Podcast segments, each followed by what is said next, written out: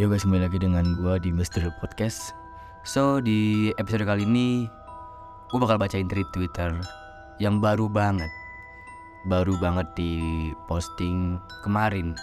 Dan sudah mendapatkan banyak atensi dari warga Twitter Dan ini lu katanya sih serem.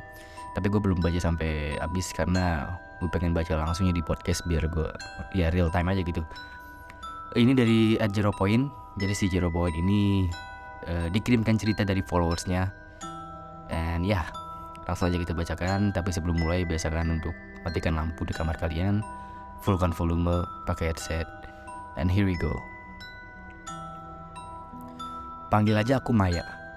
Aku bingung cerita dari mana. Aku tinggal di Jawa Tengah. Keluarga aku Jawa Tulen. Kami tipikal keluarga Jawa yang mempraktikkan toto kromo wong Jawa dengan kental. Setidaknya sampai Yangkung atau Ayang meninggal. Sejak saat itu keluarga besar kami seperti cerai berai. Konfliknya klise, perihal perebut warisan. Ibuku sebagai anak pertama dalam keluarga justru mengalah. Dia hanya menerusi usaha yang la, usaha yang anak-anak lain tidak ingin lanjutkan. Sejak saat itu, ibu melanjutkan usaha Yangkung sebagai pemilik rumah makan ayam dan bebek yang mana semenjak dipegang Ibu, rumah makan itu berkembang pesat sampai punya banyak cabang di sepanjang Jawa sampai timur. Di sepanjang Jawa Tengah sampai timur. Kurasa bisnis ibu cukup ternama. Kalian generasi 2010-an pasti tahu juga kesebutkan nama rumah makan ibu. Semua berkat ilmu yang diajarkan Yangkung, Ojo Durhokole. Ucap ibu tiap kali ditanya saat kumpul keluarga besar tips mengembangkan usahanya sampai sebesar itu. Tiap kali ibu menjawab, pasti suasana meja makan langsung canggung. Semua saling tatap tanpa ada yang berani mengutarakan. Kalian tahu lesung tumbuk padi? Kayu jati asli yang diukir memanjang untuk menumbuk padi, bobotnya berat. Itu adalah benda peninggalan Yangkung pertama yang paling disayang ibu. Sampai dia awal-awal sakit pun datang beberapa orang yang sepertinya kolektor menawarkan lesung tumbuk padi itu dengan harga tinggi. Tapi ibu selalu tolak mentah-mentah dengan kasar. Yang paling kuingat ialah saat terakhir kali ibu sambil batuk-batuk marah ke kolektor yang menanyai harga lesung itu. Berani bayar berapa kau harga nyawaku? Sejak saat, sejak dulu saat masih sehat, ibu selalu menumbuk lesung setiap pukul 5 sampai 6 pagi. Saat transisi fajar dari gelap ke terang, ibu membunyikan lesung itu dengan irama dia tampak senang tiap kali menumbuk lesung seakan mendapat energi baru untuk mengawali harinya. Sekarang, sejak ibu sakit, lesung itu dibiarkan di tempatnya. Di gudang belakang dekat sumur rumah kami. Tak ada yang berani mengotak-ngatik sampai sekarang jadi penuh debu. Namun sejak ibu sakit, lesung itu jadi menyeramkan. Dia suka bunyi sendiri tengah malam. Seperti ada yang menggunakan. Terakhir itu kejadian tadi malam. Saat aku lagi cerita ini ke Kak Jero. Mulanya ibu mengeluh sak sering sakit punggung dan batuk-batuk. Beberapa kali muntah darah sampai akhirnya didiagnosa TB paru. Badan ibu perlahan mulai kurus. Nah semenjak itu, ibu selalu pakai baju terusan warna hijau. Dia tidak pernah mau mengganti baju selain warna hijau. Aku sempat bertanya-tanya soal ini dan mulai mencium ada yang gak beres. Tapi kenapa warna hijau? Ada yang tahu kah? Sampai satu waktu, ibu jatuh di dekat sumur. Kepalanya terbentur. Sejak saat itu ibu kena stroke iskemik atau semacam akibat pembuluh darah yang menyumbat di otak. Ibu gak sadarkan diri dan dirawat di rumah sakit hampir dua bulan. Pas motoriknya mulai menunjukkan tanda-tanda pergerakan, ibu ibu diperbolehkan pulang. Tapi semenjak di rumah, kesehatannya malah terus menurun. Sampai akhirnya dinyatakan lumpuh. Dokter bilang, organ-organ vital ibu sebenarnya sudah tidak sanggup lagi untuk mengorganisir tugasnya. Metamorfosanya ialah seperti ialah ibu seperti mayat hidup. Seiring ibu sakit, bisnis rumah makan ibu juga bangkrut. Satu persatu cabang tutup. Bapak nggak peduli. Bapak malah fokus ke pengobatan ibu. Dia mendatangkan banyak dukun dan orang pintar ke rumah, walaupun hasilnya sia-sia. Satu tahun setelah ibu sakit tak berdaya, Bapak terindikasi stres berat sampai didiagnosa gangguan jiwa. Sudah beberapa kali keluar masuk rumah sakit jiwa. Bapak seperti ketakutan diintimidasi oleh makhluk yang hanya dia sendiri yang lihat. Tapi kepulangan terakhir dari rumah sakit jiwa, dia sudah tampak sembuh. Bahkan aku takjub Bapak bisa normal seperti sedia kala. Namun besok malamnya, aku dengar Bapak menembang lagu Jawa sambil mengusap kening ibu. Bapak juga menari pelan. Malam itu aku melihat bapak berbeda. Walaupun ibu berbaring, tapi aku melihat semacam ada romansa pedih di antara mereka. Aku balik ke kamar, pas mau tutup jendela, aku melihat bapak berjalan keluar. Aku kaget. Tadi banget aku lihat bapak di kamar ibu. Gak mungkin secepat itu bapak turun. Kamar kami ada di ada di lantai dua. Kulihat bapak tersenyum menatapku di jendela. Namun habis itu aku menjerit sejadi-jadinya saat melihat bapak menancapkan kepalanya ke ujung gerbang yang meruncing. Besi ujung gerbang itu menembus sampai ke kepala bapak. Sampai sekarang aku gemetar tiap ingat kejadian itu. Kematian bapak jadi omongan orang-orang. Ada kenalan bapak yang datang ke layatan. Dia memperkenalkan dirinya Simbah kawan dekat bapak. Namun jujur, aku tidak pernah lihat sebelumnya. Simbah ini bilang, Taryadi meninggal karena keinginannya sendiri. Dia terlalu mencintai ibumu. Kalian hati-hati. Mbak belum tahu kenapa penerawa, parawa, parawangan itu sekarang berbalik. Taryadi adalah nama bapak. Parawangan. Sejak mendengar kata itu pertama kalinya, aku terus mencari tahu tentang perawangan sampai hari ini terhubung dengan Kak Jero. Aku nggak tahu kenapa Yangku melakukan hal yang membahayakan anak turunannya. Dan kenapa ibu mau. Rasanya aku mau marah, tapi nggak tahu marah ke siapa. Aku masih ada adik yang harus dijaga, keluarga-keluarga lain juga tampak tidak peduli. Aku hanya berdua dengan adikku, mengurus ibu di rumah yang sebesar ini, satu-satunya harta kami yang tersisa. Sebelumnya aku coba melawan ketakutanku dengan logika. Mungkin kematian bapak ialah pure karena gangguan jiwa yang belum sembuh sepenuhnya. Tiap hari ke hari, kejadian di luar nalar yang mengerikan terus terjadi.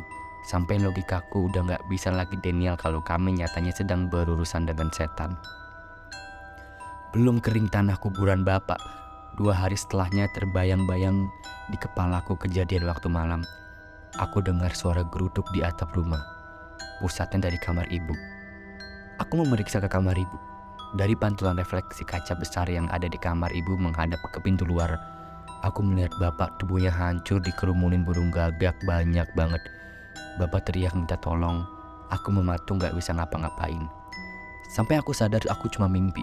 Tapi rasanya nyata banget. Aku ngap sendiri. Cuma di bantalku ada bercak merah. Ternyata di balik bantalku ada tiga bangkai burung gagak yang kepalanya udah putus. Isi perutnya juga tercabik-cabik. Aku sampai mulai aku sampai mulai lari ke kamar mandi. Kamar mandiku yang di lantai atas ada di paling ujung lorong. Itu kamar mandi keluarga yang emang cukup besar. Ada bathtub yang dibatasi tirai putih antara kamar mandi basah dan kering. Aku menatap diri sendiri di cermin. Mulanya aku kaget melihat wajahku penuh bekas darah di sekitar mulut bahkan gigi. Aku panik, langsung gosok-gosok muka. Tapi pas aku lihat ternyata muka aku bersih-bersih aja. Kayaknya aku banyak pelamun hari ini. Keran air dalam bathtub tiba-tiba menyala dari bayangan tirai tidak ada siapa pun, hanya keran yang menggeser menyala. Tapi tiba-tiba aku mendengar suara kaki menyemplung ke air, seperti ada orang yang hendak berendam di sana. Tapi bayangan di tirai hanya air yang menyala. Aku buru-buru kabur keluar. Rasa, peranas, rasa penasaranku terkalahkan sama rasa takutku. Ada lagi kejadian yang unik. Tiba-tiba aku didatangin Pak RT karena katanya banyak laporan warga yang katanya suka melihat ibu berpakaian minim, kerap menggoda pria yang lewat. Aku kaget, tentu nggak terima dengan ucapan Pak RT yang menurutku fitnah. Uang ibu bangun aja nggak bisa, melek aja enggak, ku bisa-bisanya ada laporan kayak gitu. Aku ajak Pak RT melihat kondisi ibu. Dia tercengang bukan main melihat ibu yang terbaring lemah. Lalu satu waktu, kala aku sedang membersihkan tubuh ibu, aku melihat luka basah yang dipenuhi belatung pada di bagian perut ibu. Luka itu membentuk lubang tidak terlalu besar di perut ibu. Aku cuma bisa menangis sambil bersihin luka ibu dan menggantikannya dengan pakaian warna hijau lagi. Itu amanat ibu saat terakhir kali bicara padaku sebelum dia koma panjang. Dari sekian banyak saudara yang kuhubungi untuk meminta pertolongan, hanya Pak Deroni yang berkenan datang ke rumah. Dia mengaku prihatin pada aku dan adikku, terlebih pada ibu. Dari Pak Roni aku tahu kalau selama ini ibu meneruskan keilmuan Yangkung turun menurun. Yangkung bersekutu dengan setan. Ibumu lapang dada menerima warisan dari Yangkung itu. Tapi Pak D nggak tahu kenapa ibu bisa jadi begini. Orang yang mewarisi keilmuan Yangkung harusnya berumur panjang, awet muda, dan berlimpah rezeki. Ilmu apa Pak D sampai bisa begini? Parewangan. Kamu sudah dengar kan? Parewangan adalah persekutuan manusia dengan setan. Yangkung dibantu oleh jin dalam membangun usahanya. Semacam penglaris. Pertama, penglaris itu ada di lesung padi yang ibumu suka bunyikan setiap pagi. Lalu cermin di kamar ibu itu bukan cermin biasa Maya. Pak Adi seperti khawatir. Dia teringat sesuatu. Tutup cermin. Tutup cermin itu pakai kain. Cepat. Aku terpercaya. Cermin yang saban hari kupandangi karena mengagumi kecantikan ibu saat menyisir rambut. Ternyata begitu semengerikannya. Aku gelagapan. Pak D sendiri yang mencari kain seadanya lalu menutup cermin itu. Sabar ya dok. Berdoa ke Gusti Allah. Pak D pamit dan berjanji akan sering-sering menengok kami. Namun selama beberapa jam, aku mendapatkan kabar telepon bahwa Pak D Roni meninggal kecelakaan.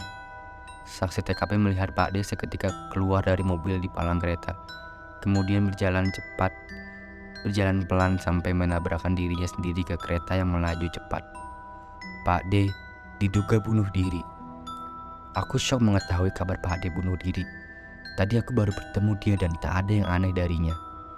Keluarga besar, khususnya keluarga Pak Derodi mengucilkan kami. Kami dijauhi keluarga sendiri sebab dituding sebagai penyebab kematian Pak D. Aku tak bisa menampik. Hari-hariku penuh ketakutan sampai tak lama ucapan Pak D mengenai cermin besar di kamar ibu itu benar-benar meneror kami. Aku kerap melihat sosok lain serupa ibu dari dalam cermin. Wow. Jangan salahin Yangkung ya. Ibumu yang serakah. Dia juga pasang susuk. Biak ini malah marah-marah saat aku telepon menanya menanyakan apa yang sebenarnya terjadi dan menceritakan apa yang dikatakan Pak Deroni waktu ke rumah. Teleponnya dimatikan. Aku telepon lagi, tidak pernah diangkat. Aku mendengar suara langkah kaki dari lantai atas. Adikku tertawa riang. Lagi apa dia? Aku buru-buru naik ke atas dan melihat cermin yang udah tutup, kain sama Pak Deroni tiba-tiba terbuka. Aku kaget. Aku mencari kain itu di mana. Lalu aku menemukan kain itu ada di ujung lorong dekat kamar mandi. Tapi kain itu menutup tubuh anak kecil. Aku takut. Tapi aku mengira itu adalah adikku. Jadi aku memberanikan diri mendekat dan membuka kain. Untung saja, benar. Itu adikku. Dek, astagfirullah. Kamu ngapain? Aku terkejut. Di rumah ini tidak ada siapa-siapa selain kami. Main, Kak. Main sama siapa? Sama ibu. Mendengar itu langsung kepeluk adikku. Anak kecil tidak mungkin berbohong kan? Percuma juga aku menginterogasinya. Dia hanya akan mengatakan apa yang dirinya lihat dan lakukan. Aku mengajaknya tidur di kamarku. Aku takut terjadi apa-apa padanya. Tengah malam, pintu kamarku berdecit terbuka sendiri. Aku bangun mau menutupnya, tapi ketika di dekat pintu, aku lihat dari cermin ada sosok laki-laki yang duduk di tepi ranjang ibu membelakangi. Aku deg-degan banget. Tiba-tiba sosok itu menoleh padaku dan itu adalah Pak Deroni dengan wajah yang hancur seperti habis tersarut aspal, bebatuan dan separuh kepalanya yang pecah. Aku teriak, Refleks menutup mata, adikku memanggil. Kakak kenapa? Pas aku buka mata, aku lihat lagi, sosok itu sudah tidak ada di cermin. Aku berjalan menutup pintu kamar ibu sambil memeriksa. Habis itu balik ke kamar untuk berusaha untuk tidur lagi. Dari cermin itu aku beberapa kali melihat sosok perempuan berambut panjang yang kusut. Payudaranya besar menggantung sampai ke lantai. Perutnya buncit, wajah dan kulitnya hijau kehitam-hitaman, matanya merah menyala. Kalau kalian tahu buto ijo, ini kayak buto ijo versi perempuan. Aku melihat makhluk itu menjelati sekujur badan ibu. Ya Allah, aku takut banget. Aku pernah mimpi aku melihat ibu sedang memuja sosok mirip almarhum Yangkung di gedung par pekarangan. Di mimpiku ibu bilang, Maya, salam sama Yangkung. Walau cuma mimpi, tapi itu kerasa nyata banget. Yangkung tampak menjijikan, kepala besar, badannya kurus, dan dari mulutnya menetes terus air liur. Aku terus mengalami mimpi serupa. Jadi sampai sekarang, aku nggak berani untuk memeriksa gedung pekarangan belakang gudang pekarangan belakang. Aku nggak siap kalau harus menemukan hal-hal yang mengerikan. Oh iya, Simbah yang waktu itu bilang teman dekat bapak, dia datang lagi membawakan satu kendi air. Katanya air itu harus digunakan untuk membasuh ibu ketika memandikannya. Simbah itu bilang, ada susuk yang tertanam di tubuh ibu. Itu harus dikeluarkan, tapi risikonya jika tidak kuat, ibu akan meninggal. Simba bilang, masalahnya bukan hanya susuk, tapi perawangan yangkung yang sudah menguasai tubuh ibu. Aku berpikir mungkin makhluk hijau perempuan yang aku lihat itu adalah makhluk perawangan yang bersama ibu.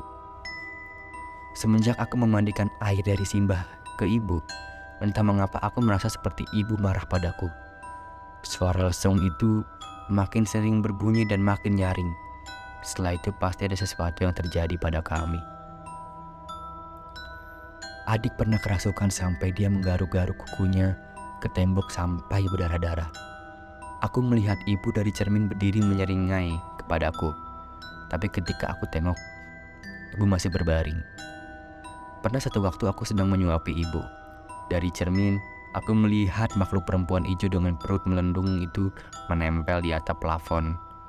Dari mulutnya menetes cairan hitam pekat wajah ibu sampai ibu gelala kegelapan gelagapan, kesulitan bernafas. Aku ketakutan, butuh waktu untuk memberanikan diri menoleh. Namun ketika aku menengok, aku melihat ibu duduk. Wajahnya nyaris menempel dengan wajahku. Ibu berteriak mengerang, aku pun berteriak karena kaget. Setelah itu ibu kejang-kejang beberapa saat sampai akhirnya tenang sendiri. Aku cuma bisa nangis. Aku merasa bahaya yang besar akan datang pada kami. Hanya tinggal menunggu waktu. Aku takut ya Allah. Semoga aku kuat. Adikku kuat. Aku cuma bisa berdoa agar lesung itu berhenti berbunyi. Cermin itu tak lagi menampakkan hal-hal yang mengerikan dan jika aku boleh meminta, aku ingin ibu sehat. Jika saja ada cara untuk melepas susuk dan memutus perewangan itu, apa pun akan kulakukan.